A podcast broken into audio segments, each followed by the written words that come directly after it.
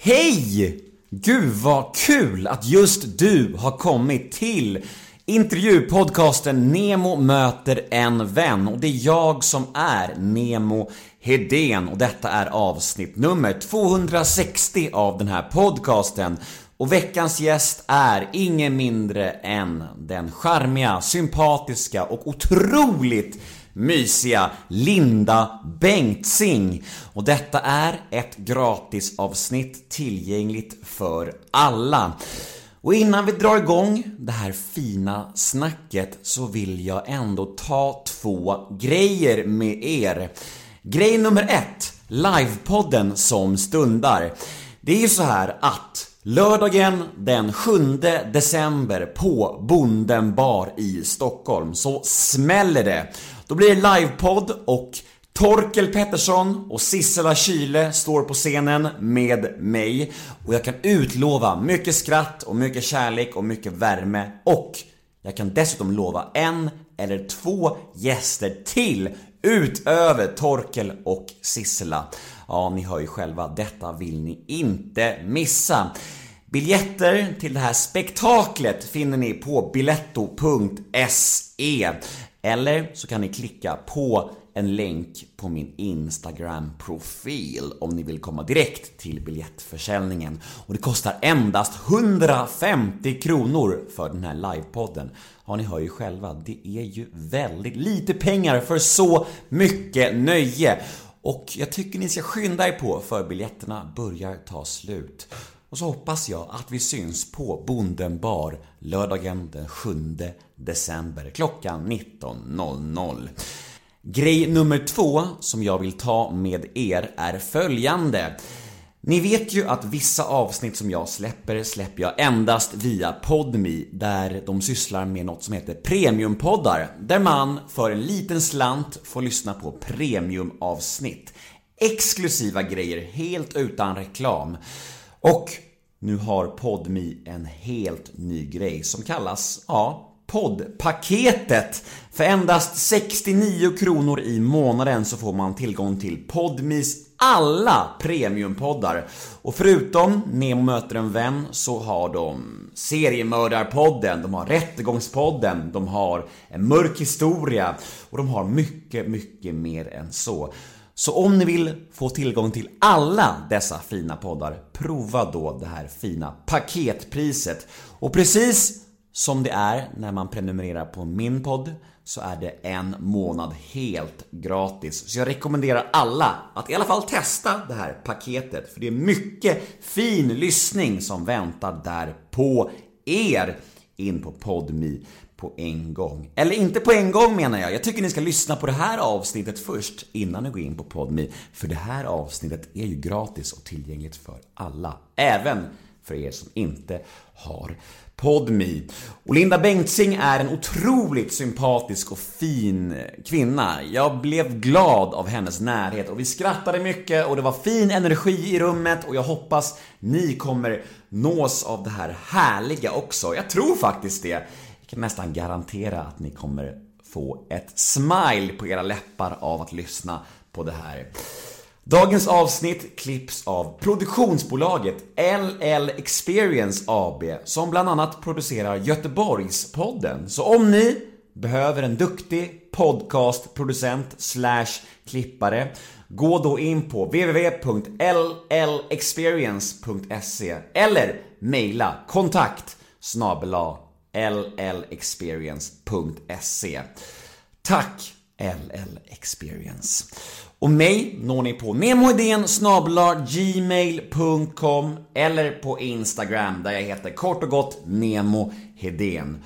Och nu ska jag sluta babbla. Nu dunkar vi igång! Nemo möter en vän avsnitt nummer 260. Plats på scen för den bedårande Linda Bengtzing. Rulla gingen.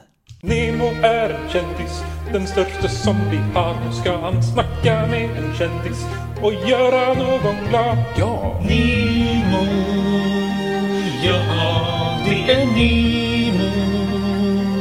Nemo möter en vän. Nemo möter en vän med Linda Bengtzing. Tack för att du säger mitt namn så rätt. Åh, hur brukar folk säga då? Som Pernilla Wahlgren. Eh, mina damer och herrar, Linda Bengtzing, eller Bengtzin. Och då känner du bara så här, fy fan för Då henne. känner jag, fy fan.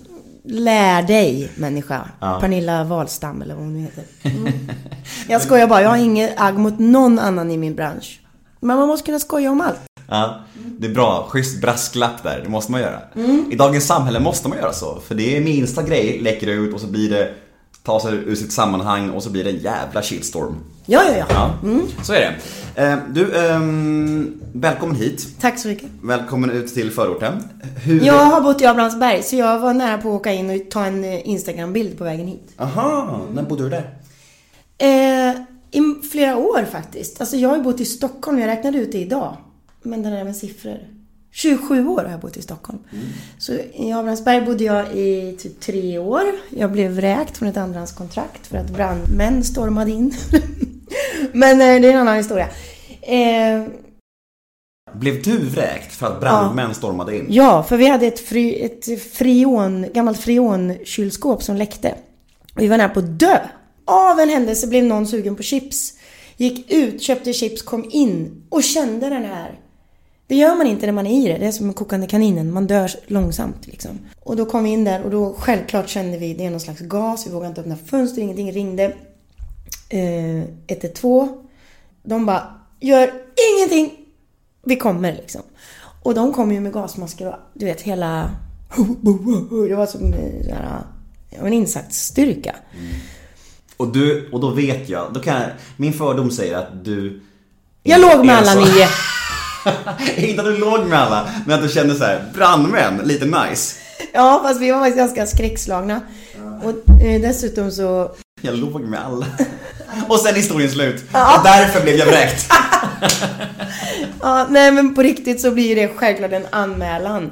Har man ringt polis eller brandkår så blir det en anmälan. Och då fick ju huset veta att jag hyrde i andra hand. Och tre månader senare så stod jag på gatan. Det var min Abrahamsberg-historia. Så att jag är i förorten men jag är också från förort. Eller jag är fan lantis. Det är du, och dit kommer vi. Mm. Eh, Men du, vi försökte få till det här för exakt en vecka sedan och Mm. då hörde jag mig till dig på morgonen och sa att jag hade haft Ganska tidigt på morgonen. Ja, vid typ eh, sju, Ja. tror jag. Att jag, och jag skrev att vi hade haft natten från helvetet och jag undrar om vi kunde skjuta på det en vecka. Mm. Eh, och då blev du typ lättad, för du hade också haft en natt från helvetet. Ja! Alltså, du har en två och ett halvt åring, jag har en femåring. Jag ska inte göra dig deppig här, men det tar inte slut. Fast det blir ju lite enklare för varje natt förstås. Men eh, nej, men min femåring hade också en sån där, du vet... mm, Han somnade om, men inte jag.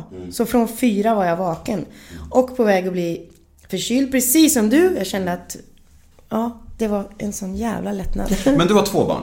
Mm. Hur gamla är de? Fem och... Fem och tio. Ja. Och det du säger till mig är alltså att din femåring fortfarande härjar på nätterna.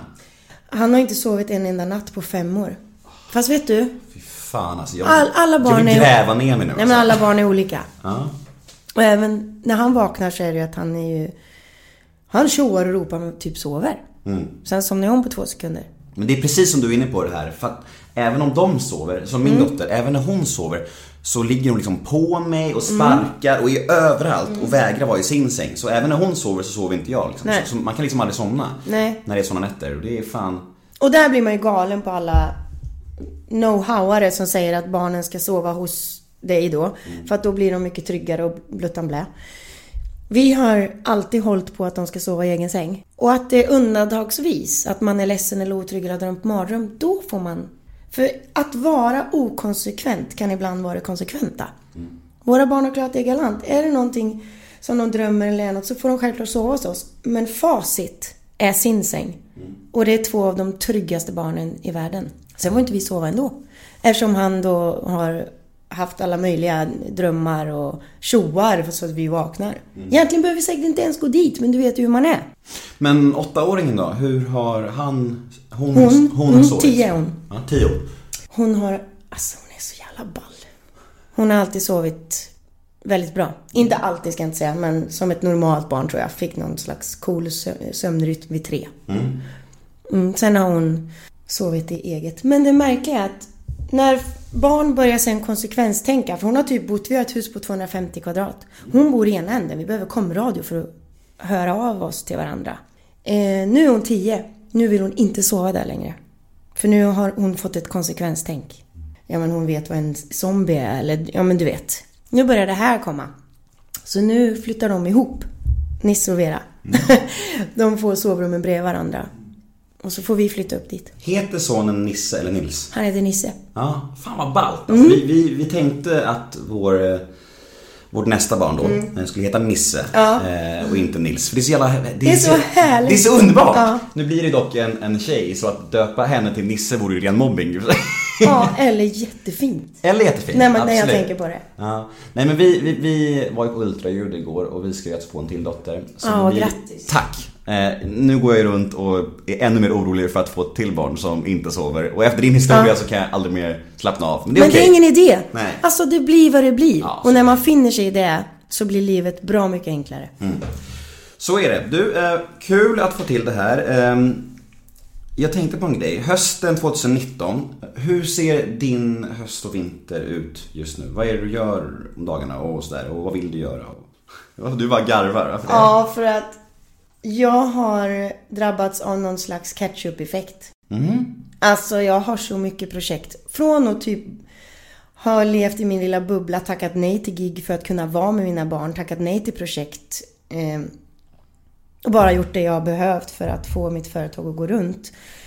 Så bestämde jag mig eh, i våras för att ta tag i lite grejer. Och gjorde det, nya låtar helt enkelt, nytt material. Eh, nygammalt kan man säga. Tog tag i det och det blev välkomnat svinbra. Samarbetade med en producent. Jag kommer inte kunna nämna några namn. Det är jättejobbigt nu för att nu ligger allting i startgroparna. Och när, när jag satte igång med det, samma dag, ja då ringer ju telefonen från diverse andra grejer. Ja, det är så jobbigt att jag sitter här nu och inte om några veckor men... eh, Varför sa du inte det då? Ja men vad fan. Du kunde inte hålla dig? Nej men det är så mycket, men bland annat så har jag av en slump inlett ett jättekul projekt med, med två YouTubers. Det måste jag ju kunna prata om för det är inte superduperhemligt. Leva fucking life. Eh, bygga, Byggis och Mackan. Och när vi ses och pratar om musik, det är musik främst. Men när vi snackar så är det liksom, de är också två män mitt i livet med barn. Eh, men Byggis är helt störd. Han gör ju volter med, vad heter vad, vad fan, snöskotrar och... Medan Mackan är en gammal backslickare liksom. De har ju två helt olika liv. Och så kommer jag. Nej men alltså. Ser i stjärnorna efter din podd. Vi ska ta över den här världen. Fan jag blir ju supernyfiken nu på de här Ja. grejerna du inte kan prata om. Men det är roligt att jag äntligen får göra nytt material. Igår var jag i Gamla stan och la sång på en låt som jag bara... Så även om det blir nygammalt, det vill säga covers, kommer jag också göra på en av mina idoler i livet. Eh, Så kommer det även ny musik. Och det är så bra så jag... Första gången jag hörde den här låten, jag började gråta liksom. Det är gött. Min känsla var ju att du står för dörren, alltså inför att göra en sån här, ja men krogshow, föreställning som det är så många som Du, gör det nu. snurrar i mitt huvud hela tiden. Ja, jag förstår Jag det. går på krogshow efter krogshow för att se vad jag inte ska göra och vad jag ska göra. Alltså jag har så mycket idéer. Det känns ju som verkligen i ropet nu. Det är många som gör det och det är som en trend nästan. Och Mm. Det att snart alla gjort det. Då är bara jag Du menar, men, men vill du göra det? Jag har alltid sagt, ärligt talat, Mm. jag behöver en hit till. Och nu har jag den. Byggis Nej, det är deras. bomb. Nej men eh, det är ju deras hit som Ja. jag bara blivit inbjuden till att göra en version av. Ja, jag fattar. Mm. Mm. Men eh, det här nya som kommer att komma med tiden. Det, det är ju hittar redan och sen är den nya är jag också övertygad om är en hit. Men det är det som är mitt problem. Jag brinner så för det jag gör. Och min hjärna slutar aldrig att snurra.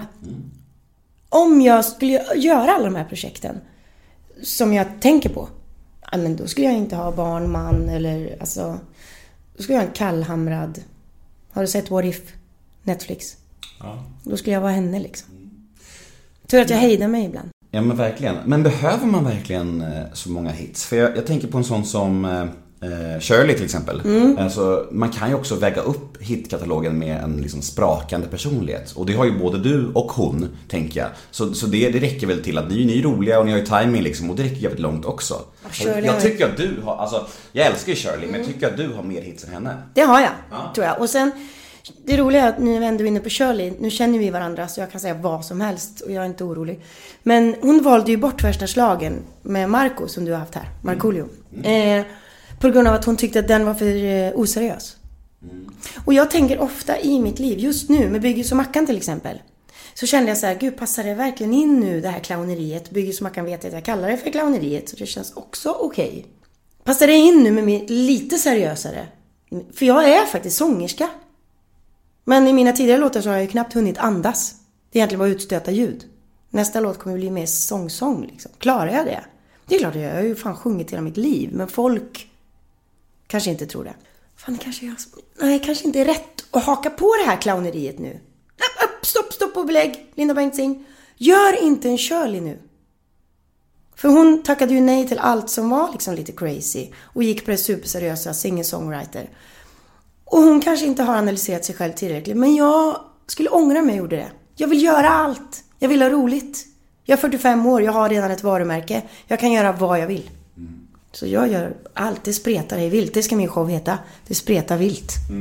Typ. Men kan det vara så att man känner en viss avundsjuka eller bitterhet när man ser att andra människor som kanske inte har lika många hits som en själv får göra en krogshow och du inte har fått den konkreta frågan ännu? Eller kanske du har? Jag vet Jag inte. har det. Jag har fick den för flera år sedan och tackade Okej. nej och sa jag behöver en hit till. Ja. Så, ehm, Då blir frågan irrelevant kanske. Ja, på något vis. Mm, Alltså min bitterhet betalar jag dyrt för att bli av med. Jag vill leva mitt liv från och med nu utan bitterhet. Jag går i terapi. Och jag tror att, förlåt, men jag tror det är fan i mig i terapin som gör att ketchup-effekten har infunnit sig. För min aura är inte bitter och negativ längre.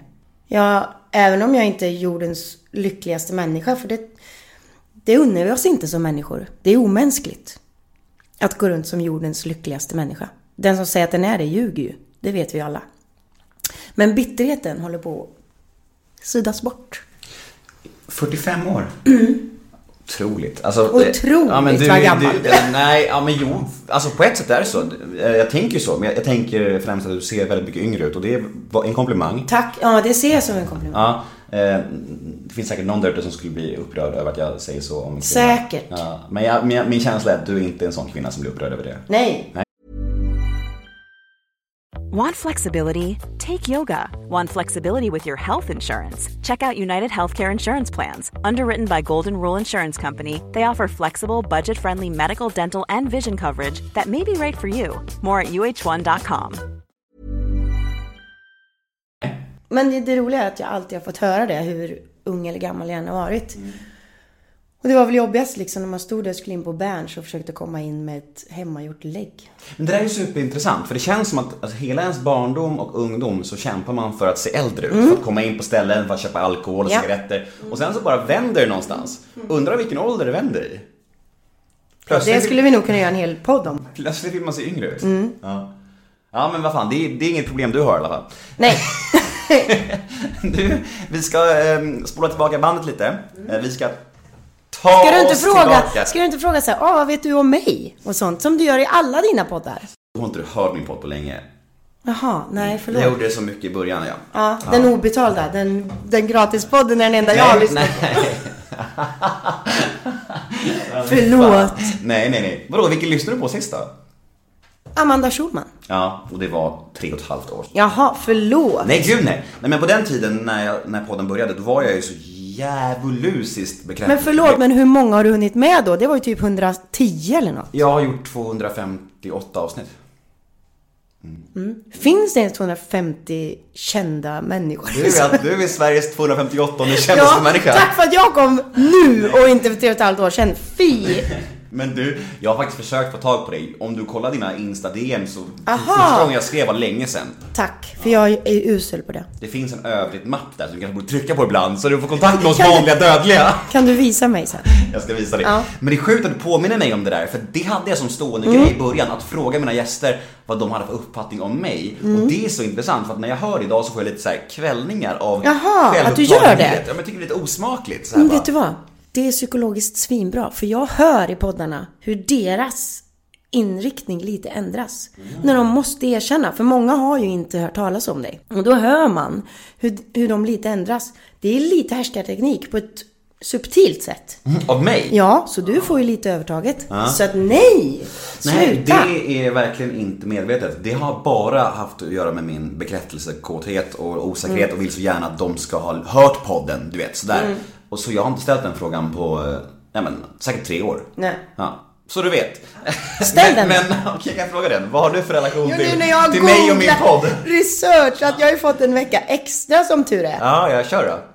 Nej men jag vet ju eh, kungen i Tylösand det Kungen av Tylösand. Ja. Tio år sedan. Ja, exakt. Och att det ställde till det för dig. Ja.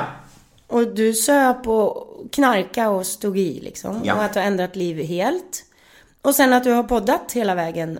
Och sen gjort den här förstås barturnén som du sparade alla pengar av alla gager hoppas jag. Eller ligger de i en säck i garderoben? Och jättevita pengar också. Ja, exakt. Jag menar, vi ska titta på den säcken sen. Jag är ju expert på siffror. Men vad fan, du ska ju veta hur det blir ett liv efter en sån dokusåpa. Hur svårt det är att få ett normalt jobb eller nå- någonting uppstyrt. Det är, då är det ju bra att ha en säck med pengar. Jag förstår det. För att rädda sig ur flera situationer. Som Pippi Långstrump. Verkligen. Ta fram kappsäcken. Men! Det var därför jag imponerades av din Amanda Schulman intervju. För egentligen så skulle du kunna sänka en fotknölarna. För det de gjorde med er ändå blev ju helt förskräckligt. Och att produktionsbolagen aldrig i sådana program finns där och står där liksom. Jag har ju Fame Factory-erfarenhet, det är det lilla. Men vi hade en psykolog som vi träffade varje dag. Och då var ändå Fame Factory på deken. Vilket, han var jättebetydelsefull då. Det här är ju typ min eh, hjärtefråga och just det här hur dokusåpor beter sig mot eh, trasiga, osäkra ungdomar. Och Men nu blir det ett nytt Big Brother. Du borde fan vara deras mentor för att inte göra fel. Det finns mycket att säga om det här och det har jag pratat om i typ så här, nej men alltså, jag släppte en bok i höstas och mycket av det, alltså Tylösand-kapitlet ha- handlar mycket om just det här och hur jävla illa de betedde sig och hur cyniskt och kallt allting var. Hur liksom de spelade på att vi var så osäkra och, och trasiga och sådär. Eh, så jag är helt enig, helt enig.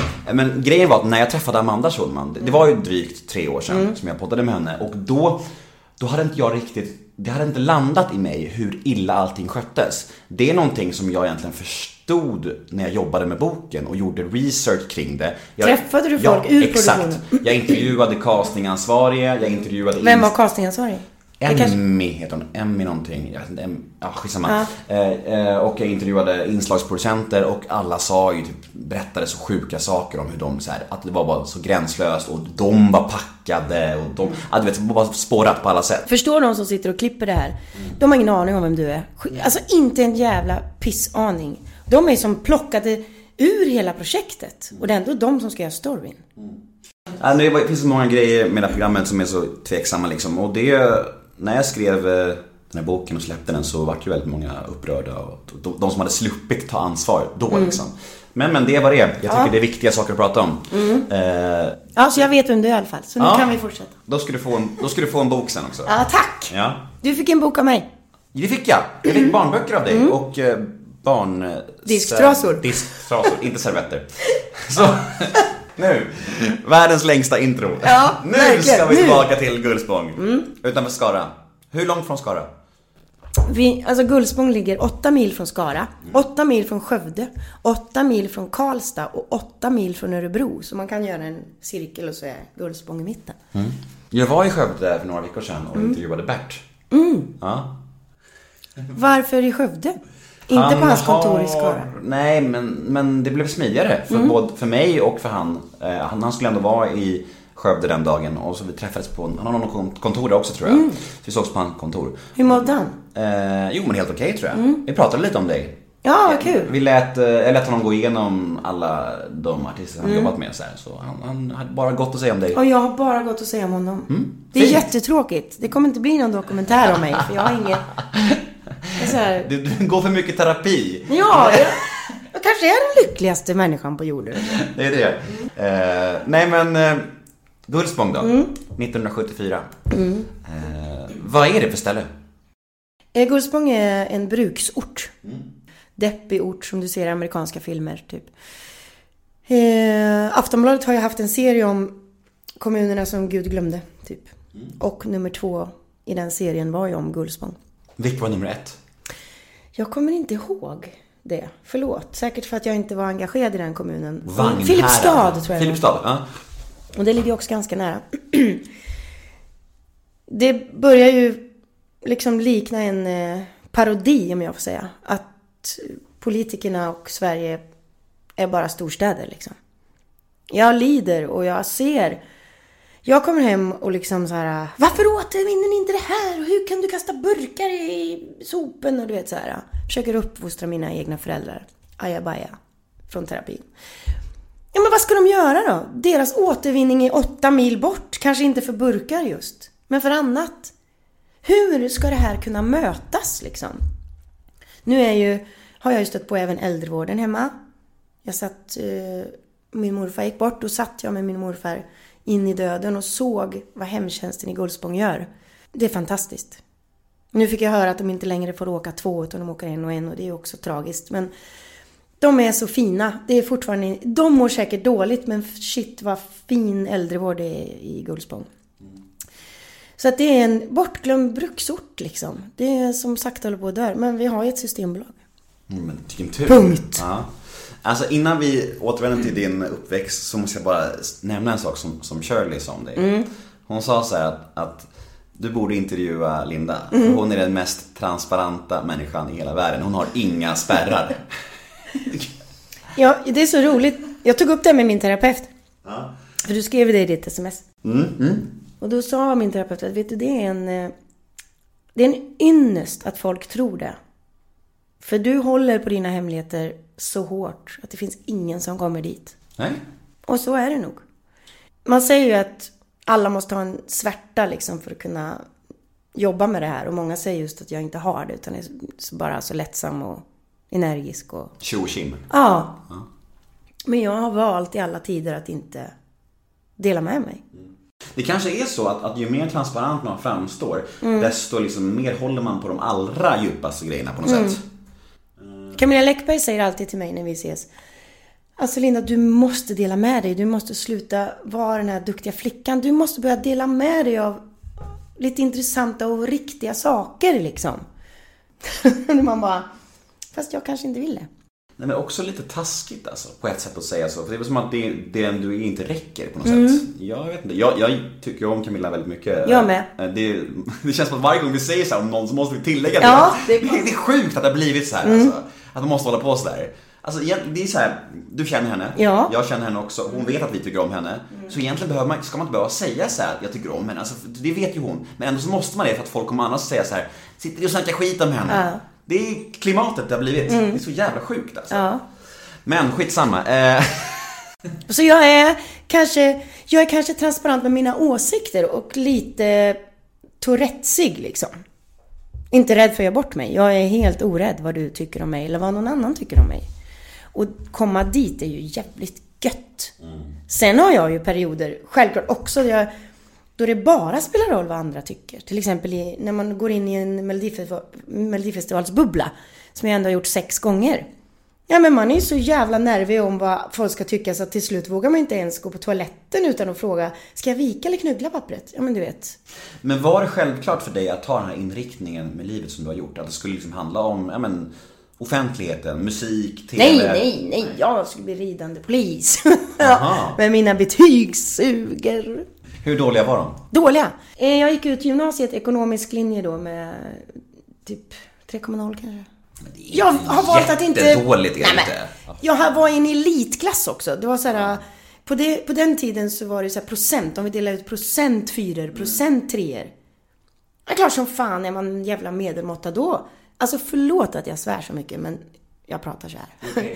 och Du är ju den mest transparenta och gränslösa gästen Ja, jag haft, säger, säger Shirley i alla fall. så Ja, har du lyssnat på alla 300? det- nej, 200? Det tror jag inte.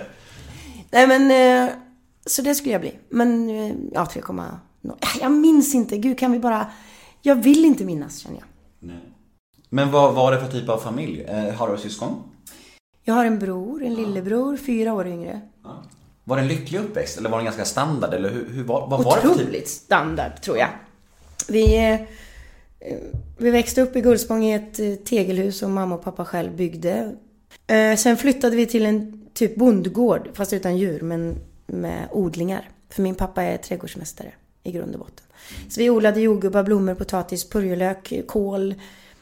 Allt under sommartid. Och så körde han taxi på vintrarna. Mamma jobbade på smältverket som lades ner. Och sen började hon jobba ironiskt nog på Arbetsförmedlingen. Jag var hästtjej, brorsan motorer. Vilket gjorde att han fick rida och jag fick också motorerna. Så jag älskar bilar, motorcyklar, kört motocross i hela mitt liv.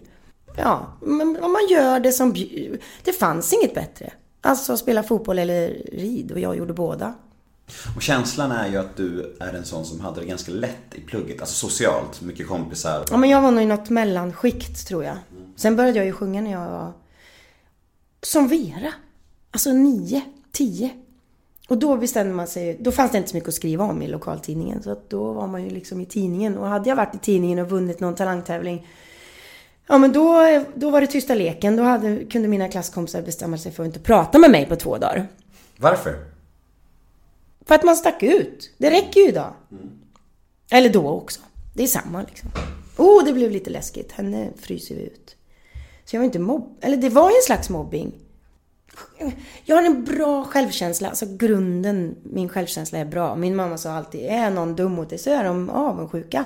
Och även idag kan jag plocka fram den när som helst, så stämmer det ju. Varför trycker man till mig?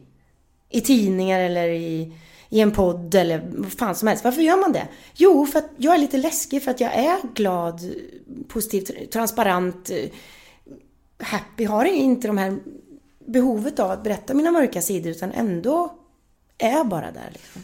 Kanske därför Läckberg sa som hon gjorde, att hon, hon kanske är avundsjuk på att eh, du verkar må så bra så ofta. Kanske. Vem vet? Ja, för jag tänker ju alltid i Instagram-världen så. Om, om man lägger ut, nu tänker jag inte på Läckberg särskilt, utan allmänt bara. Hur mycket man älskar sin partner eller vilket som vissa gör. Så känner jag alltid att om man har behov av att lägga ut det till var och varannan, då kanske man tvivlar lite på att man älskar sin partner. Istället för att säga det till sin partner och hålla käften utåt. Och sen så blir det ju så att om man lägger ut det liksom en gång i veckan så tappar det ju tyngd den gången man väl lägger ut det. Om man väljer att lägga ut det kanske en gång per år, på årsdagen. Då blir det verkligen så här: wow vilken fin kärleksförklaring. Det, det urvattnas ju liksom annars. Men du, eh, Gullspång då. Hur, eh, kände du en längtan därifrån tidigt? Nej, jag älskar Gullspång. Så det var inte så här, jag måste till storstaden och visa dem. Ja, nej. Alltså vi har inte ens ett gymnasium. Eh, Så att jag drog ganska, när jag var 15 flyttade jag hemifrån för att kunna gå gymnasiet. Jag blir nämligen, jag, än idag så blir jag väldigt lätt åksjuk. Och sitta på en buss då i en timme och må illa en hel dag. Inte bara därför, men min mamma och pappa har alltid varit bra att stå där och sparka mig i röven till att, hej då, prova grejer. Eh, Varför inte flytta? Så att jag flyttade. Och gick gymnasiet i Mariestad och då har man redan liksom lite så här äh, lämnat på något vis. Jag återvände alltid och jobbade i blomsteraffär och tog körkort direkt och jag är nog en sökare liksom i själ och hjärta. Det tror jag. Aldrig riktigt nöjd. Där har du namnet på din krogshow. Aldrig Aldrig, aldrig nöjd. Aldrig nöjd. Spretig och onöjd. Spretig, onöjd och eh, dyslexi när det kommer till siffror. Ja, jag antar att all sorts dyslexi går att ha i olika nivåer. För att jag sköter ju mycket av min eh, deklaration, alltså min ekonomi själv. Ja, I och med att jag är ekonom, grundekonom, gymnasieekonom, så har jag ju en automatisk balansräkning i min hjärna. Det ska ju inte finnas att jag sitter här och har en skatteskuld plötsligt utan att VA? Men det är helt otroligt att du som har siffror i dyslexi sköter dina fakturor och deklarationer själv. Ja. Du, eh, sikta mot stjärnorna. Ska vi snacka om nu? Mm. Ja. Vet du varför vi ska snacka om Nej! det? För jag- Du var med! Nej, jag är för ung! Småstjärnorna var jag med i. Nej, var du? Vem var du? Jag var Beatles. Och min peruk flög av när vi körde Twist and Shout. Så, så de, eh, ja, det- alltså i den här slutshaken. Men någon måste ha tvingat dig att göra Beatles. Du kan inte ens ha Ja, ja, ja. Herregud, jag var åtta år Mm. liksom. Det var våra föräldrar som sa ni måste göra Beatles. Och så gjorde vi det och så var vi fyra stycken killar.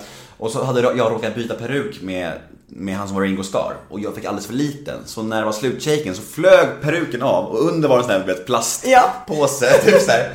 Och medan mina kompanjoner då bugar så står jag där bara och f- famlar efter min peruk. Och det kom med i programmet. Förstås. Ja, och Ja. de tyckte det, tyckte det var jättekul liksom. Vem var du? Aqualene. Det minns jag. Wow. Alltså de ville att jag skulle klippa av mig mitt hår och färga det rött och allt vad det var. Men det gick jag inte med på. Men det var ju också så här, på tal om produktioner. Allt sker ju inte exakt så som vi tror. Nej, när man går in i röken så förvandlas man inte. Nej, Nej. vi måste säga det till våra lyssnare. Var så dåligt för det trodde jag. Ja, men jag trodde ju på riktigt ju. Jag var ju åtta år. Jag var bara så här, äntligen ska vi få se om man förvandlas här i röken. Så bara kommer man ut bara, vad fan, en jävla kuliss, en jävla kuliss. Helt värdelöst. Ja, gud. Men, men, så jag, jag var 13 år när du var eh, Aqualene. Var, du- körde du själv då, eller hade du en kille till? Som var Nej, jag var Rene? själv. Det var produktionen som var René eller vad han hette. I'm Nick Friedman. I'm Lee Alec Murray. And I'm Leah President, and this is Crunchyroll Presents The Anime Effect. We are a new show breaking down the anime news, views, and shows you care about each and every week. I can't think of a better studio to bring something like this to life. And Yeah, I agree. We're covering all the classics. if I don't know a lot about Godzilla, which I do, but I'm trying to pretend that I don't right now. Hold it in, hold it. And our current faves. Luffy must have his due. Tune in every week for the latest anime updates and possibly a few debates. Oof. I remember, what was that? Say what you're gonna say, and I'll circle back.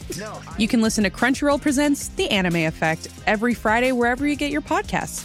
And watch full video episodes on Crunchyroll or the Crunchyroll YouTube channel.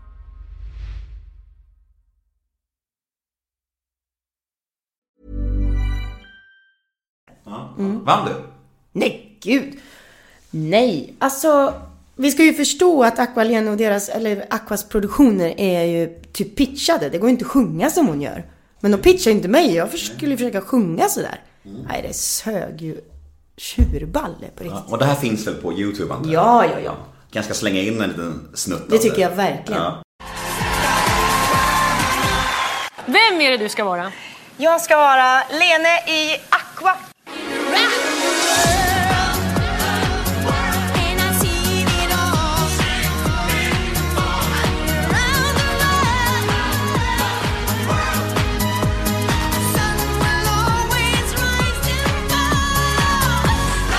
Ja, men så var det ändå fem år från Sikta mot stjärnorna till ditt stora genombrott som Mm. var i Mello. Och de här fem åren då, vad hände då i ditt liv? 2000 till Alltså 2005? vad du än frågar så kommer jag säga Wallmans, Wallmans, Wallmans, Wallmans, Wallmans. För jag jobbade på Wallmans i åtta år. Och jag har inte gjort annat än att sjunga i hela mitt liv. Ja, lite blomsteraffär, barnflicka, bla bla bla. Men... Eh, Men Fame Wallmans. Factory var väl också här någonstans? Ja, det var ju samtidigt. Jag gjorde ju Melodifestivalen 2005. Eh, Fame Factory spelades in ungefär samtidigt. Så det var liksom en... Allting hände där, om man säger. Ja, offentligt. Ska vi prata lite om det här med att då slå igenom så stort som du gjorde? Och, och vi som är mellonördar då, som jag ändå betraktar mig själv som. eh, Jag med. Ja, det är fantastiskt. Det är ju årets höjdpunkt nästan. Ja, faktiskt. det blir väldigt kul. Jag älskar Mello. Jag skulle kunna vara med varje år om jag hade en bra låt.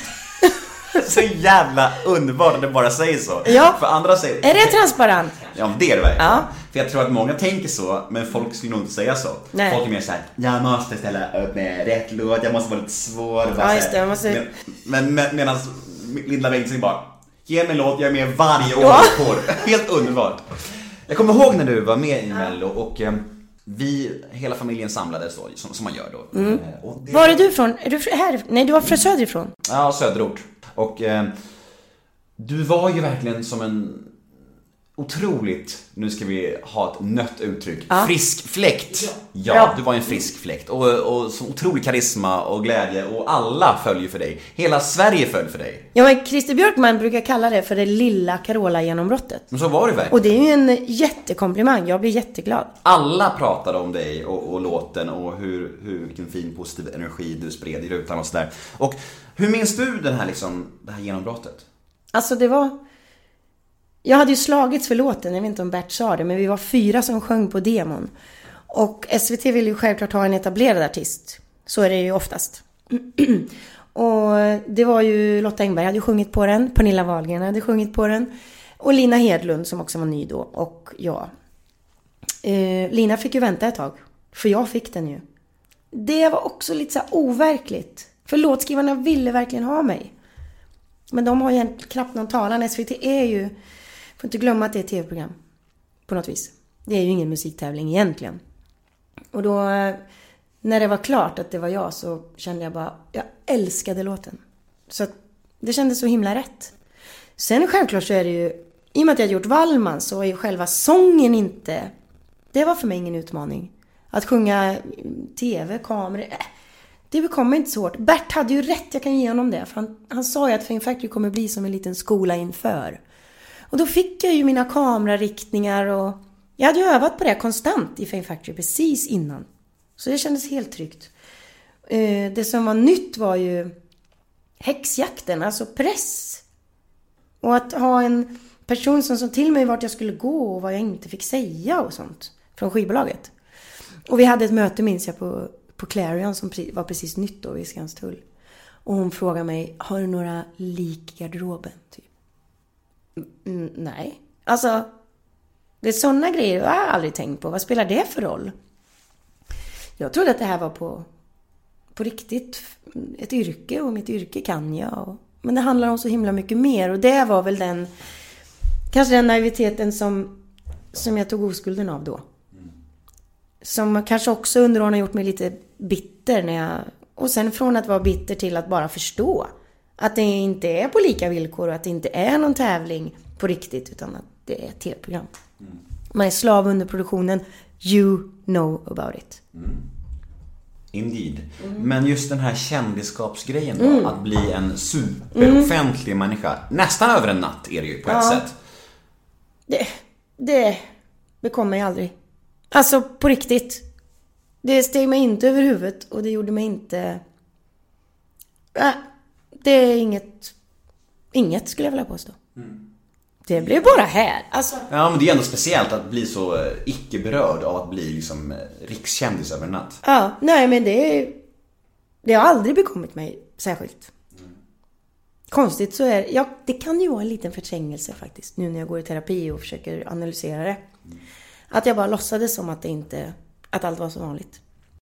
Okej, så du har medverkat i tävlingen sex gånger. Mm. Hur... Eh, skillnaden mellan alla gånger och hur eh, förändras tankarna kring ett medverkande och, och liksom, har det varit lika kul eller vad har, vad har skilt sig åt främst tycker du? Eh, Men det var väl det att jag i de tre första åren, jag var ju med ganska tätt där med Alla flickor 2005, Jag ljuger 2006, som egentligen blev det riktiga genomslaget på något vis och den största hitten. Idag är i och för sig Alla flickor störst, när jag är ute och giggar, det märker jag. Sen kom Hur svårt kan det vara? Och är det fel på mig? Det är ju de, alla de fyra är ju SVT-bebisar. Det är produktionen som har hjälpt mig att föda fram det. De åren som följde sen var ju... Födde ju jag. Och då åkte jag ut. Och hur, Vilket- kä- hur känns det? Nej men det visar ju hur fantastisk produktionen är. SVT står ju för de bästa ljudteknikerna, ljusteknikerna, scenproducenterna, koreograferna.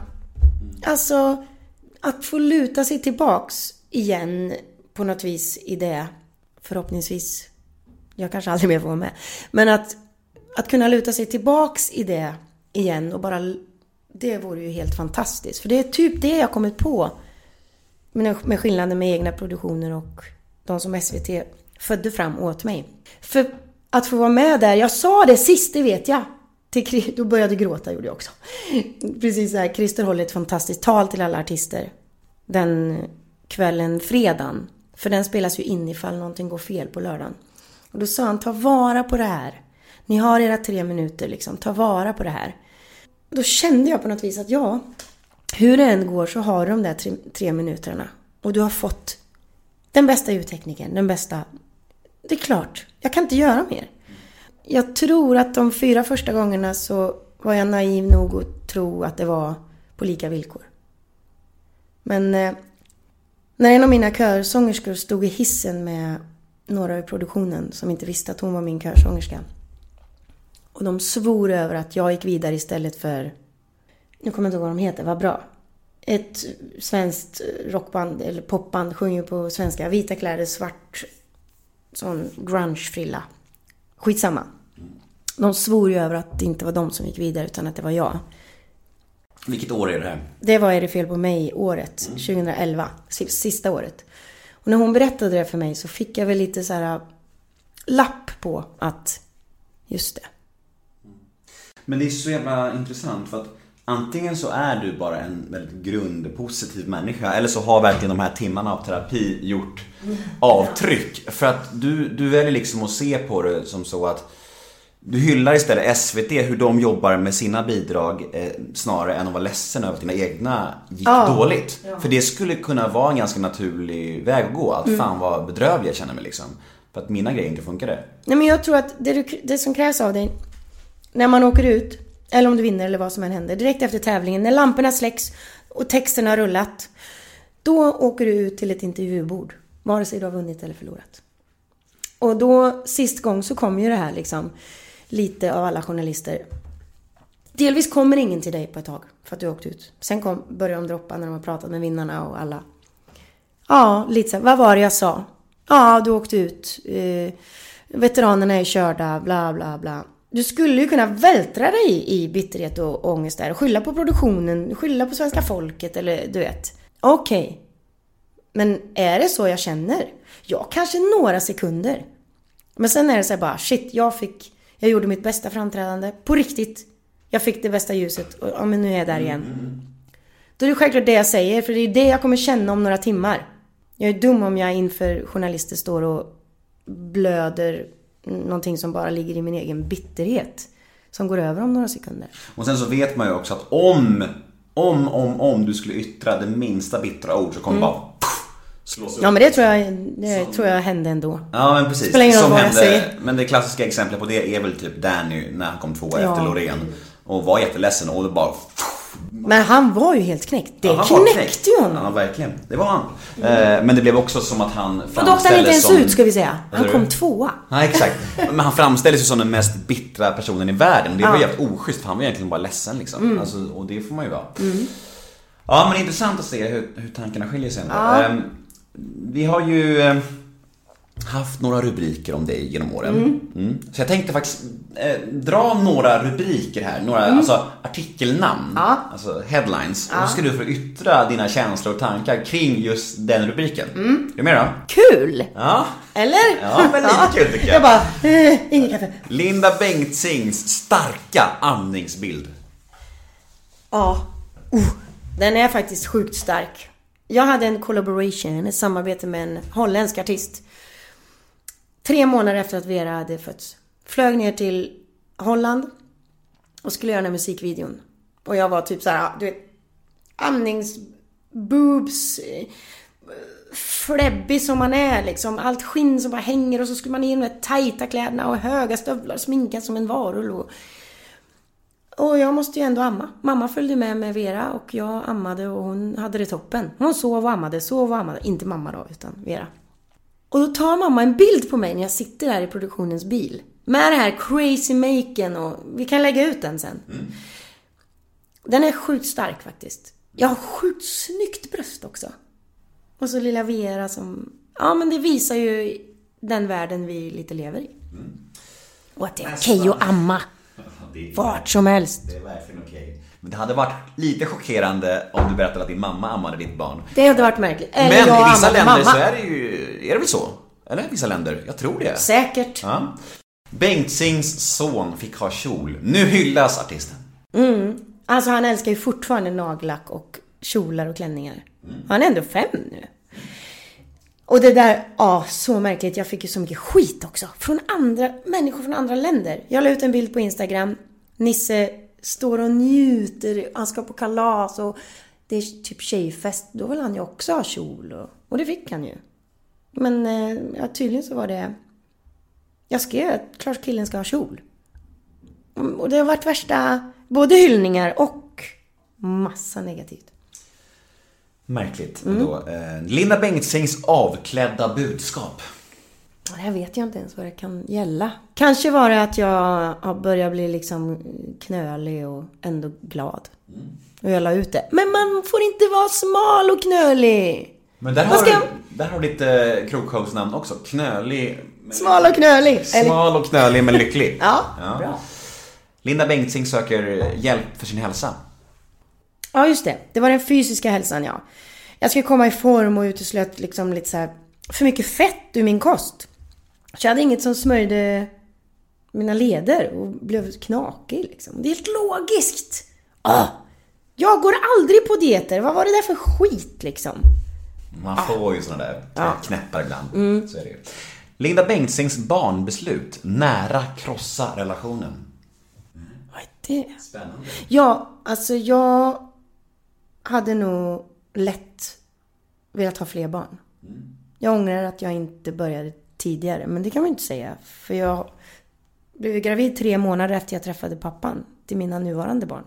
Så att det hade varit svårt att börja tidigare än det. Är det för sent nu då? Han säger nej. Jaha.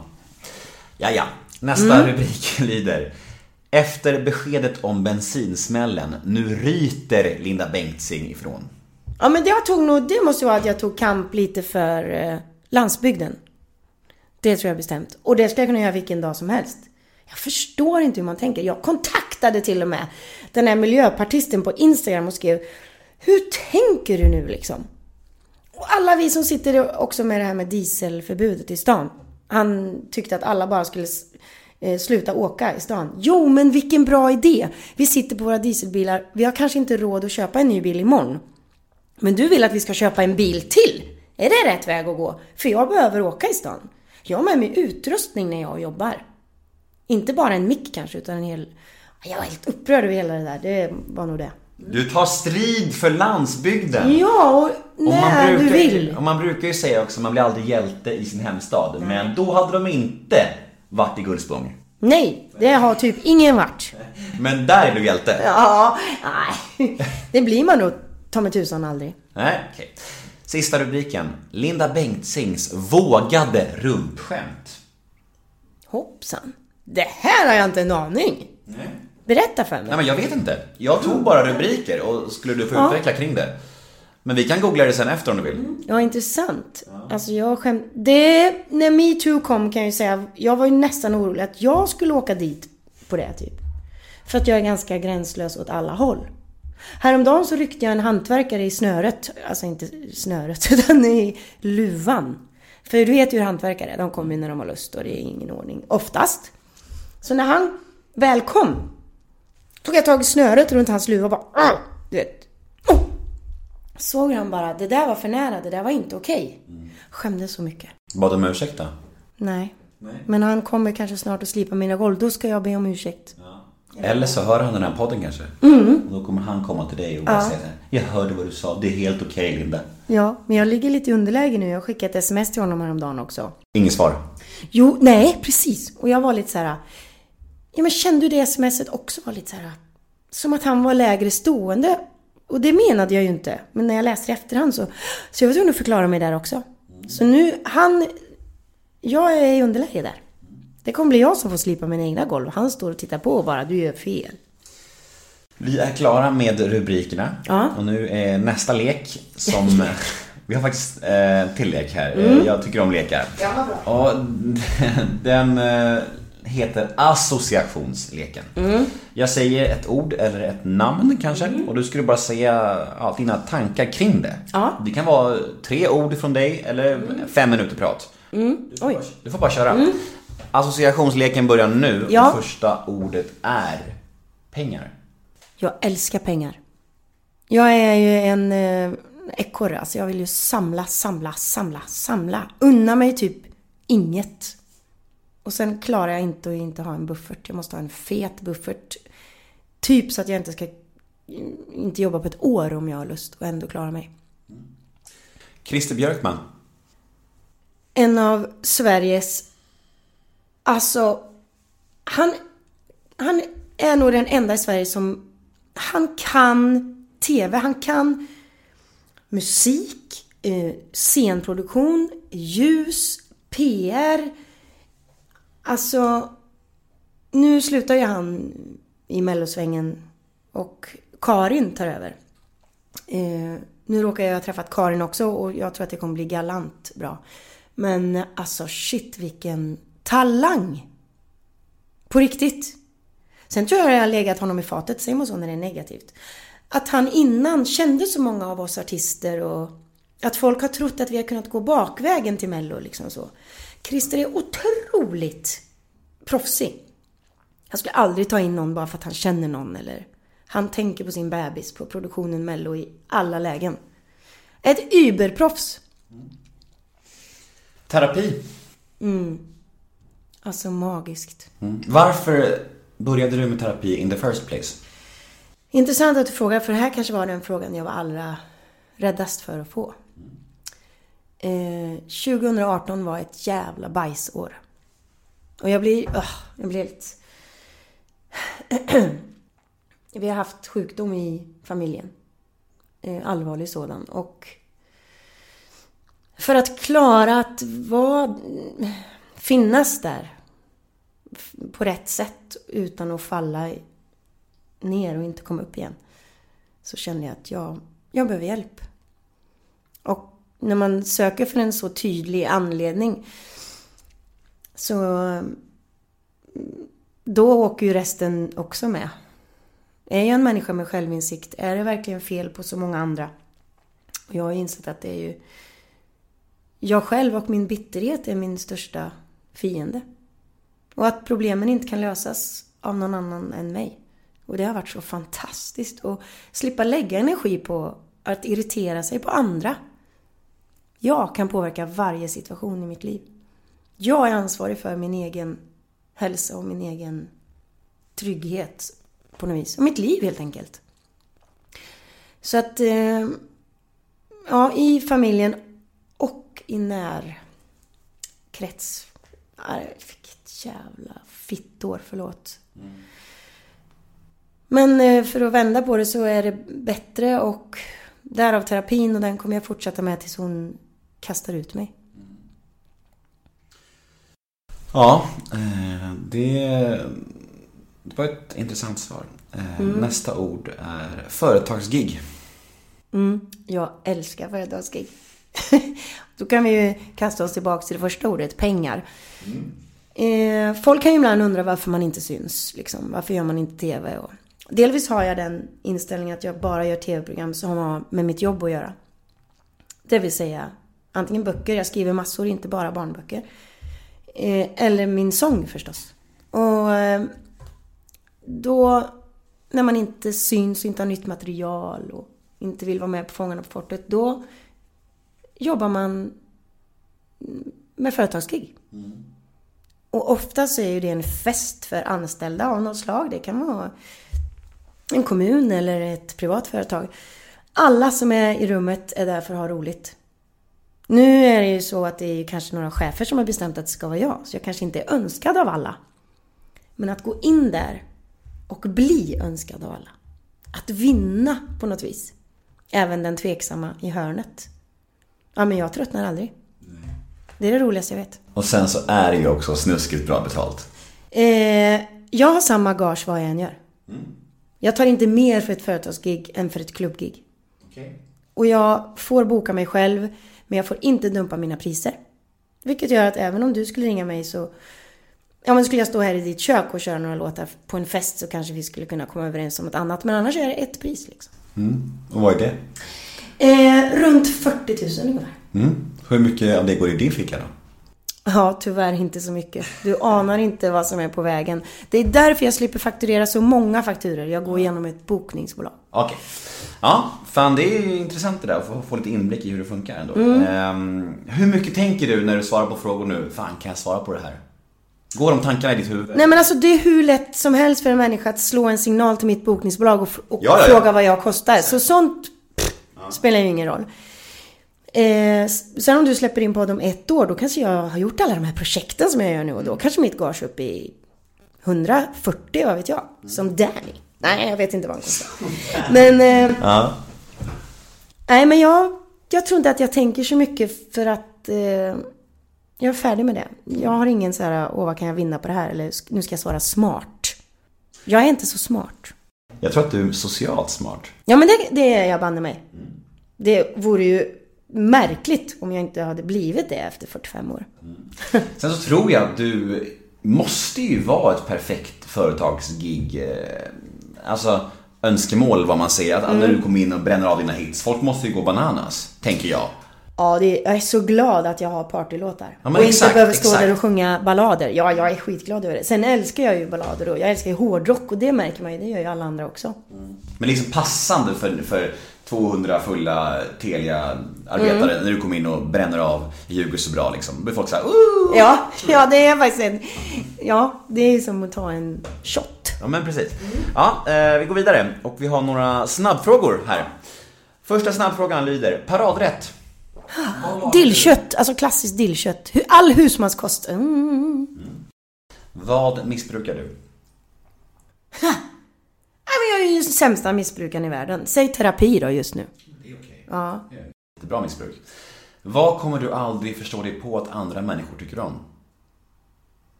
Ah.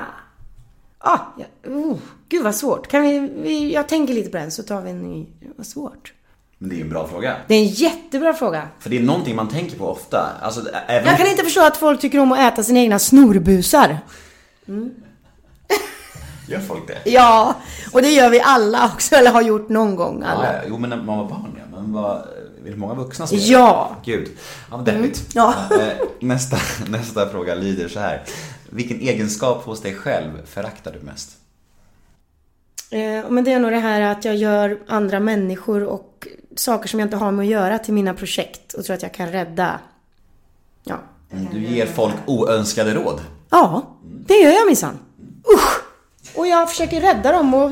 Ja, äh. Ja, jag vet. Jag är likadan. Det är jättehemskt. Man bara säger, ska re- regissera folks liv bara. Du borde göra så här. Ja, och ingen eller- har ens bett om det. Har de minsta lilla problem med vad det kan vara, ett fönster eller en kran eller du vet, så är det, har jag tio namn, tusen quick... Det är ändå ganska skönt högmod man måste ha som människa om man tror att man själv vet hur andra ska leva sina liv. Min kille kallar mig för MacGyver. Det är bra. Ehm, nästa fråga lyder. Vad spenderar du mest pengar på? Eh, Mat, tror jag. Ska man tänka bakåt i tiden så är det väl pooler, för jag har ju tre pooler. Oj. På landet, i huset här och i Spanien. Där mitt företag har investerat i ett hus. Så jäkla onödigt med tre. Tre hus alltså Linda. Ja, men det är investeringsmässigt det i Spanien ska jag tillägga. Och det får jag ju skatta för också, privat. Det är jag fortfarande bitter för och kommer alltid vara. För jag har ju inte tid att vara där och ändå får jag... Ah! Ja. Vad tror du andra tänker på när de tänker på dig? Åh gud, den där energiskt jobbiga, intensiva eh, människan. Bra. Eh, och eh, avslutningsvis så har vi sex stycken lyssnarmail. Kul! Det är alltid roligt. Är de på riktigt? Eller har du hittat på? Jag kan säga så att ett av de här har jag hittat på. Okej. Vill du gissa då vilken det är? Det kan jag göra sen. Mm. Fem är faktiskt från eh, Instagram-följare och roligt. ett har jag eh, knåpat ihop. Och, det, och grejen är så här, jag brukar göra så här för slipper jag ta ansvar för det. Jag förstår. Lite så jobbiga frågor. Mm, mm. Första lyder så här. Hej Linda. Varför ställde inte du och Markoolio upp med värsta slagen i riktiga mello? Ni hade ju förmodligen vunnit. Otroligt catchy låt. Där tror jag... Alltså det här är ett rykte jag har hört. Det här är inte fakta. Men jag tror att Christer Björkman blev lite sur på den. Det, Mello är hans bebis. Och han ansåg att den var... Hånfull. Ja. Mm. Det är den enda anledningen tror jag. Men den, eh, vilken jävla hit. Ja, shit ja. 2007 års mest spelade låt. Ja. Crazy Bananas. Och den tackade Shirley nej till. Kommer hon sitta där hemma Ja, och vara bara slita sitt hår. Ja. Ja. Eh, nästa mail lyder så här. Berätta om din romans med Magnus Hedman. Det är din fråga. Vad hände egentligen? Känslan är att han inte behandlade dig helt okej. Har du förlåtit honom? Han behandlade verkligen inte mig okej. Alltså inte så att han slog mig eller så. Han var väldigt eh, fin. Vi var ju faktiskt kära på riktigt. Och eh,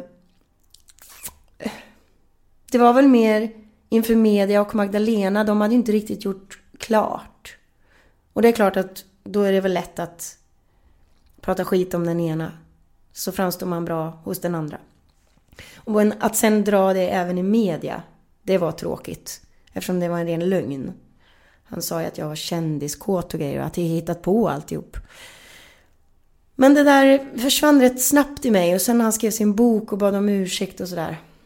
Så kände jag att, mm, jag har lagt det bakom mig. Det ser jag som verkligen livet på riktigt. Bra svar. Mm. Vad har du för relation till alkohol? Jag älskar gin och tonic. Och är sämst i världen på att dricka, säger min eh, sambo. Häller han upp ett glas rödvin så dricker jag en klunk och så dricker han resten. Jag är nog rätt dålig på att dricka. Vår familj har en eh, tråkig historia med alkohol och då är det inte alkoholism utan vi klarar det inte. Vi blir så dåliga. Dåliga ganska direkt med utslag och grejer. Och sen sjukt bakfulla i flera dagar. Oavsett nästan hur lite man dricker. Jag söp ju som ett svin under gymnasietiden där när jag bodde själv. Du kan ju tänka dig. Jag fick ju flagga upp min balkong för att folk kom ju och sov över. och jag var helt galet. Eh, idag uppskattar jag att typ ta en gin tonic när som helst i veckan. Jag har även köpt så här små roséflaskor så att jag när jag har lust kan ta ett glas rosé till en lunch hemma eller du vet. Säg att jag dricker två glas alkohol i veckan. Ungefär. Bra. Eh, nästa mail lyder så här.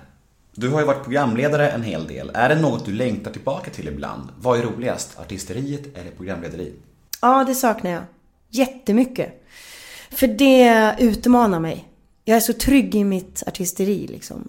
Kombon tycker jag är fantastisk. Jag har ju även gjort lite radio på sistone med det här dansbandspriset eh, i Malung. Men eh, nu fick jag ju kicken förra året. Eh, men det uppskattade jag också. Alltså kombon är ju det bästa. Jag blir väldigt...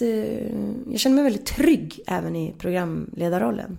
Men det är en lite mer kick. Mm. Du hoppade in i Bingolotto ganska Ja, nyligen? Eller hur? det gjorde jag ju. Ja. Oh, det är inte lätt alltså. Fan, det måste varit skitsvårt alltså. Oh, det är så här 58 eller 97 punkter. Ja, äsch. Eh, nästa mail lyder så här. Vad tänker du om program som Så mycket bättre? Har du fått frågan, skulle du vilja vara med? Alltså de har ju frågat mig flera gånger jag har tackat nej. Är det sant? Jag ljuger. jag har inte fått frågan. För, för, för, för jag, jag tänkte på just det, att det är din genre och din Mm. värld känns som en genre som glöms bort i det programmet. Det är inte så många som kommer från alltså, Nej, verkligen, verkligen. Och jag vet ju också hur mina låtar går att göra om så fantastiskt bra. Eh, nej, det är sant. Jag har inte tänkt så mycket på det. Jag har inte suttit bitter i soffan och varför får inte jag med? För jag har alltid haft fullt upp liksom så. Jag tror att det innebär väldigt mycket jobb och väldigt mycket press. Det gäller att hitta en producent som, kan, som man själv kan jobba med, med de andras låtar. Eh, men den tiden kommer förhoppningsvis. Bra. Eh, vad är det bästa och värsta med att åldras? Eh, oj, det bästa är väl att man blir klokare. Här skulle jag nog vilja citera en av dina andra gäster. Att ju äldre jag blir, ju mindre vet jag. Och det är rätt... Vem sa det? Schyffert tror jag. Aha. Eh, alltså, ju äldre man blir, ju mindre vet man. Plötsligt så förstår man att allting inte är svart eller vitt. Men det är det bästa. Tror jag. Lugnare, skönare. Eh, det sämsta är nog... Jag gillar att träna. Och jag känner att min kropp inte riktigt är med mig. Det kan vara lite... Jag har ont under fötterna när jag går upp på morgonen. Man bara... What? Mm. Sista lyssnarmailet lyder så här. Hur trött är du på dina hits? Inte alls. Alltså, inte. Jag älskar mina låtar.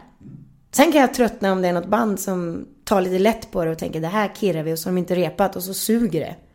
För att mina låtar kräver jobb. De är svåra att spela. Och svåra att sjunga ska jag ju lägga till. Man gör inte dem med halvrisig röst. Det är full patte hela vägen. Det har du fått erfara bittert genom åren. Ja! Ja. Mm. Du, eh, vi börjar bli klara. Yeah! Hur känns det? Men jag tyckte det här var jätteroligt. Alltså jag tog, upp, jag tog upp det här med min terapeut att jag skulle hit. Och så pratade du lite om vad man ska ha för inställning eftersom jag egentligen inte sen jag började i terapi har gjort någon intervju. Jag har tackat nej. För att jag inte... Jag vill inte ha frågan där jag kanske måste berätta hur det egentligen är. Eh, För att jag vill hålla mig, även om många anser mig som transparent då. Så blir man ju väldigt otransparent om man börjar gråta när man får en fråga. Till exempel. Så att eh, jag var lite nervös. Men känner att eh, med dina 200, hur många var det? 258. Ja, i bagaget så är ju du ett ärkeproffs. Och jag har känt mig väldigt trygg. Kul! Mm. Det glädjer mig och jag tycker också det blev eh, exakt lika härligt som jag hade förväntat mig. Vad bra. Eh, Shirley Clamp där då, tyckte hon hade rätt med sin... Nej, men jag tänkte så här, eh, när Shirley sa sådär om Mm. dig, att du är den mest transparenta hon känner, så tänkte jag först här, fan ska jag göra ett sånt test? Ska jag ställa en massa frågor som är liksom så här ganska grova? Men Mm. samtidigt så är det så jävla lite jag. Jag, jag, liksom, jag vill inte gräva i folks skit, jag vill inte ställa folk mot väggen, jag tycker liksom inte om det. Jag är Nej. ingen journalist, jag vill bara ha en jävligt härlig stund. Ja. Och sen om folk börjar öppna sig för att de känner att det är en härlig stund, Men vad bra att du säger. För att när jag frågade runt lite om, om dig och din podd och så, så var det någon som sa, ja men den är väldigt positiv och nästintill kanske lite lismande. Så var det någon som sa. lismande, Mm. inställsam. Veckans ord. Ja, ja men precis. Och det är det du säger. Hur ska man annars få en trevlig stund? Det är klart att man måste kanske vara lite under den kanten och lite över. Och det är du ju.